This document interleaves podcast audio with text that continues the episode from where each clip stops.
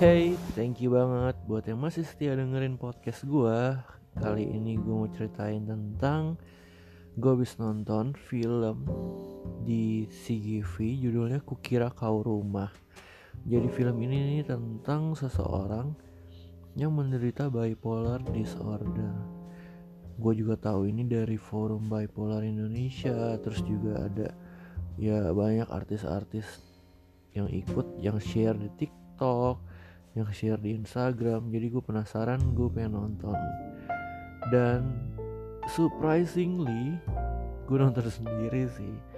Hari ini jadi kayak tadi gue udah meeting jam 12 sampai jam 2 terus di tengah-tengah itu gue kosong kan. Jadi gue nonton tuh jam jam 3 sampai jam setengah 5 film atau setengah jam habis itu jam 5 gue ada acara lagi.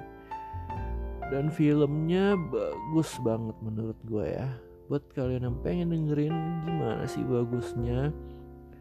Dan ini film benar-benar bikin gue tuh berulang kali kayak pengen meneteskan air mata si mata gue udah basah banget sampai gue lap Iya gue mau ceritain aja beberapa adegan-adegan yang memang relate banget ke kehidupan gue Jadi buat yang pengen dengerin Jangan ke mana-mana stay tune di podcast episode ini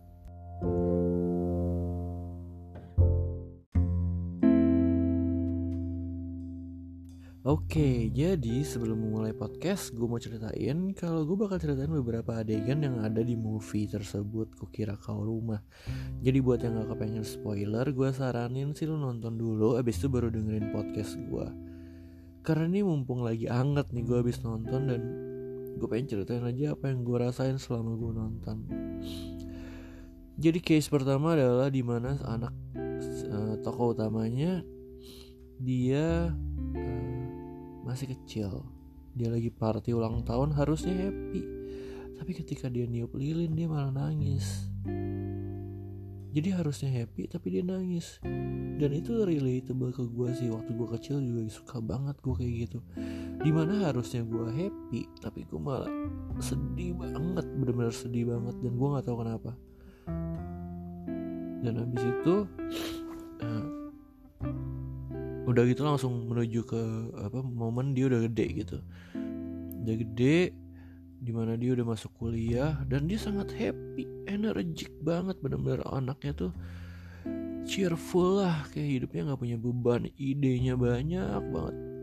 Dan gue juga ngerasain itu waktu gue kuliah waktu gue normal ya waktu gue biasa aja tuh. Bener-bener idenya banyak banget bener-bener banyak banget. Kayak bisa ngapain aja terus energik dapat nilai bagus ya pintar. Gue juga termasuk orang yang nggak begitu susah ya nangkep pelajaran jadinya. Ya kayak yang di film itu bener. Terus dia punya ide musik juga creativity side-nya bener-bener tinggi ya nyanyinya juga bagus. Lalu ada satu kejadian di mana waktu dia SMA itu dia marah sama gurunya karena idealisme dia tuh nggak sesuai gitu sama yang dilakukan gurunya yaitu memotong rok. Jadi dia juga pakai rok emang agak kependekan karena uh, waktu itu dia buru-buru. Tapi dia bilang lo nggak seharusnya motong rok gue dong. Kalau salah ya ditegur aja. Jangan sampai merusak barang kita gitu wah de, terus dia bener-bener marahnya langsung meledak langsung megang tuh gunting gurunya sampai mau bunuh gurunya. Dan gue juga pernah mengalami itu. Gue pernah semeledak itu waktu SMP SMA ah, separah itu bener-bener kayak nggak sesuai dengan idealisme gue terus gue marah sama gurunya di depan gue gue teriak-teriak. Gue bahkan gue sampai teriak-teriak satu sekelas satu sekolah tuh pada denger kali. Sampai diseret sama satpam diseret sama guru sama bonyok gue aduh pokoknya rempong banget. Nah. jadi bener-bener relate banget ketika dia kayak gitu. Gue langsung tiba-tiba mata gue berlinang gitu air mata. Karena that's me itu kayak film tentang gue gitu. Oke lanjut lagi. Habis itu dia masih happy nih. Masih happy nggak ada marah-marahnya mas sekali. Terus tiba-tiba ada adegan di mana uh, temennya marahin dia. Sebenarnya marahin cowoknya sih. Karena tuh ya jadi di aktor utama di film ini disebutkan cewek ya jadi cewek. Ceweknya ini tuh habis main musik gitu dan dia happy banget dan dia so fun gitu ya nyanyi di di cafe gitu. Bisa lepas bisa mengungkapkan ekspresinya dan bagus bukan jelek. Dan menurut gue itu bisa muncul karena dia nggak minum obat. Jadi idenya tuh kreativitas saya itu muncul karena dia nggak minum obat dan habis itu temennya tuh kesel karena seharusnya dia kuliah tapi dia malah ya malah jadi nyanyi di band apa segala macem. Pacaran yang mengabaikan apa uh, dia punya kewajiban utama yaitu kuliah kan. Terus diomelin tuh sama temennya diomelin sama berantem apa segala macam jadi di titik itu gue juga ngerasa kayak dengan trigger apa pun itu bisa stres banget. Bener-bener stres banget. Dia marah temannya marah saling marah-marahan marah-marah marah-marah marah-marah makin tinggi makin tinggi.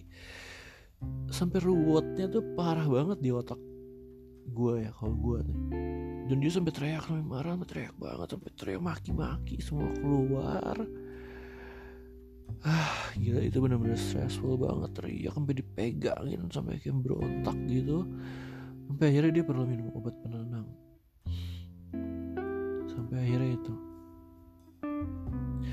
Dan ketika yang gue rasain adalah rasa marah itu masih tetap ada di dalam diri gue sekarang. Walaupun udah gak meledak ya. Jadi dulu tuh dari mungkin dari lahir kali.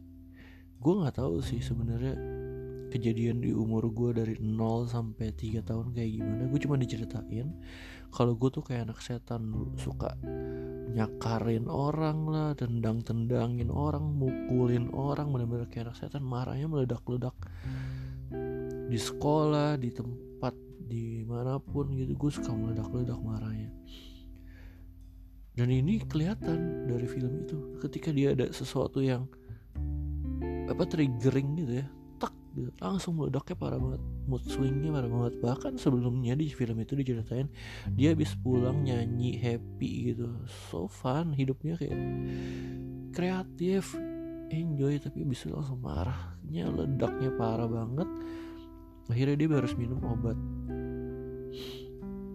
Sampai teriak-teriak bisa menangis. Gue juga suka gitu dulu waktu gue SMP. SD gitu. Bisa marah kenceng banget gue terus cuman ke kamar gue nangis kayak dua jam tiga jam. Sampai gue capek terus gue tidur. Tapi gue dulu nggak minum obat ya gue cuman capek doang terus tidur. Nah, di sini dia minum obat terus dia cuman bilang gue capek banget. Itu artisnya dia bilang gitu ya. Si Prilly dia cerita gue capek gue capek.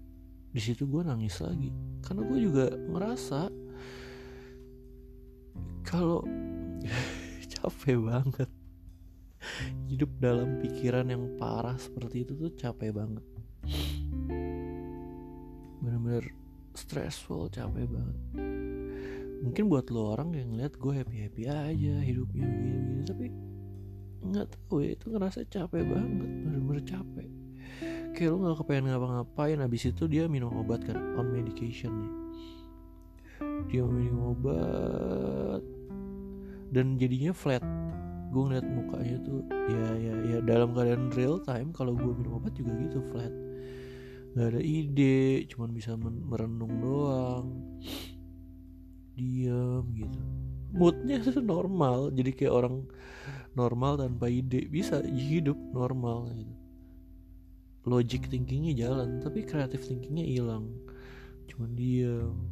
Dan triggering itu ada ada ada banget. Jadi ada satu adegan dia ngelihat uh, si cowoknya datang ke rumah tapi ditolak sama maminya sama orang tuanya ditolak lu gak boleh masuk karena lu yang ngancurin anak gua.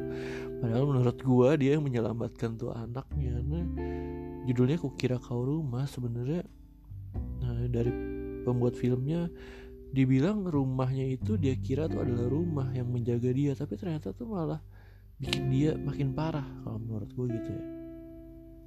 Di mana bapaknya tuh abusive nyokapnya juga nggak punya andil apa apa bapaknya pro- overprotective deh bukan abusive terus tapi temperamental juga sih. Bapaknya soalnya nanti bakal gebuk apa mukulin cowoknya. Tadi sampai mana? Oh ya sampai dia ngeliatin cowoknya tuh di jendela. Habis itu eh, dia stres banget. Nggak nggak kelihatan dia nggak marah. Dia nggak nggak bisa marah lagi karena lagi minum obat kan jadi habis dia marah yang pertama dia on medication habis itu udah nggak bakal bisa marah meledak lagi karena lo on medication mood lo stabil. Nah tapi ketika ada triggering itu dia itu pintar di film ini ya. Dia langsung ambil obat ekstra karena dia tahu di titik itu dia butuh obat ekstra sebelum dia meledak. Nah menurut gue itu hal yang terjadi di hidup gue juga. Ketika gue minum obat logik gue jalan. Gue tahu eh, ini bakal triggering lagi ini bakal bisa muncul gue marah lagi. Jadi gue harus minum obat atau istirahatnya atau ya ya ya bisa memilih-milih kejadian dengan logis. Oke habis itu dia stabil jadi ceritanya stabil. Sampai akhirnya eh, dia ngendep-ngendep gitu dia nyanyi lagi nah ini udah edisi terakhir sih. Ketika nyanyi diem-diem sama bapaknya. Eh ketahuan bapaknya dong. Bapaknya gue kira ya gue kira dia bakal kayak wah anak gue nyanyi bagus. Ternyata nggak. Bapaknya langsung teriakin dia. Dan di situ ada adegan ditanyain sama cowoknya lo hari ini minum obat gak? enggak dia nggak minum obat. Jadi ketika dia di panggung dia bisa nyanyi bagus karena nggak minum obat terus bap ketika bapaknya teriak dia langsung wah langsung panik langsung kayak bunyi kupingnya langsung kayak dia nggak mau denger dia teriak-teriak dia keluar dia kabur dia naik ke atas dia mau bunuh diri. Bapaknya langsung ngehajar tuh cowok ditonjok-tonjokin cowoknya juga wah riuh banget temennya juga melerai apa segala macam kalau gue di titik dia ya sama gue bakal kabur gue teriak gue cuman diem atau ya kabur sih kalau gue teriak kencang banget terus gue kabur. Mungkin gue juga bisa ada suicidal thought kayak gitu ya pikiran untuk bunuh diri. Tapi akhirnya nggak bunuh diri sih. Akhirnya ditenangin ditangkap. Terus bener-bener ya kayak gitu ketika ada semua trouble trouble menyerang gitu ya.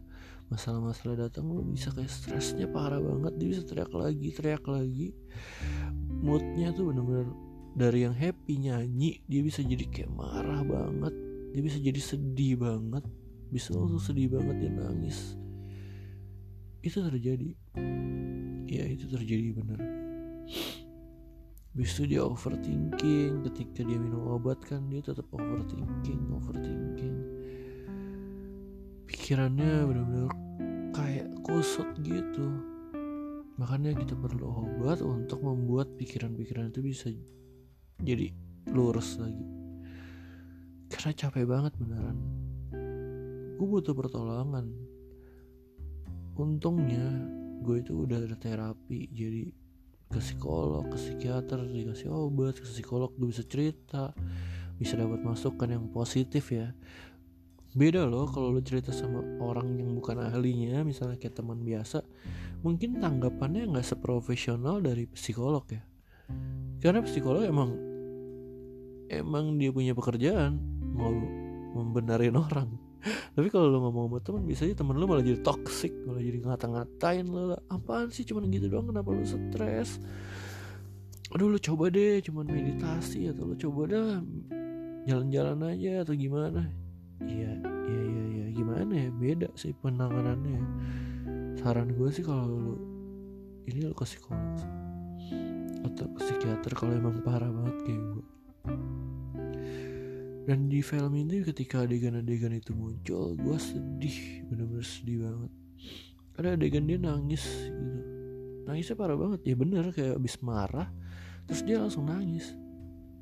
Dan itu terjadi sama gue waktu gue itu sih. Sekarang gue nggak terlalu smooth swing itu. Karena ya ketika gue udah tahu ini triggernya mau jalan apa triggernya ada terus gue udah mau menunjukkan gejala itu karena cuman gue yang tahu kan. Dan gue masih udah sedia obatnya sih. Supaya bisa ya menenangkan gue lah setidaknya nggak sampai meledak parah teriak-teriak gitu. Ya. yeah, that's a good movie lo boleh nonton kalau lo pengen tahu apa sih itu bipolar disorder. Buat yang pengen nonton buruan mumpung sebelum turun dari bioskop. Dan gue rasa ya bentar lagi juga paling munculnya di Netflix atau di di mana gitu? Di view. Itu di mana lah suka-suka. Oke.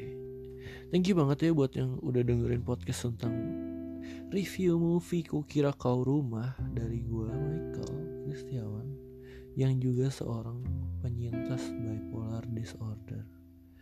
Buat yang pengen ngobrol-ngobrol boleh catch up gue lihat uh, di Instagram di at underscore hello Michael. Thank you banget buat yang dengerin. Have a nice day dan stay healthy your mental health. Bye bye.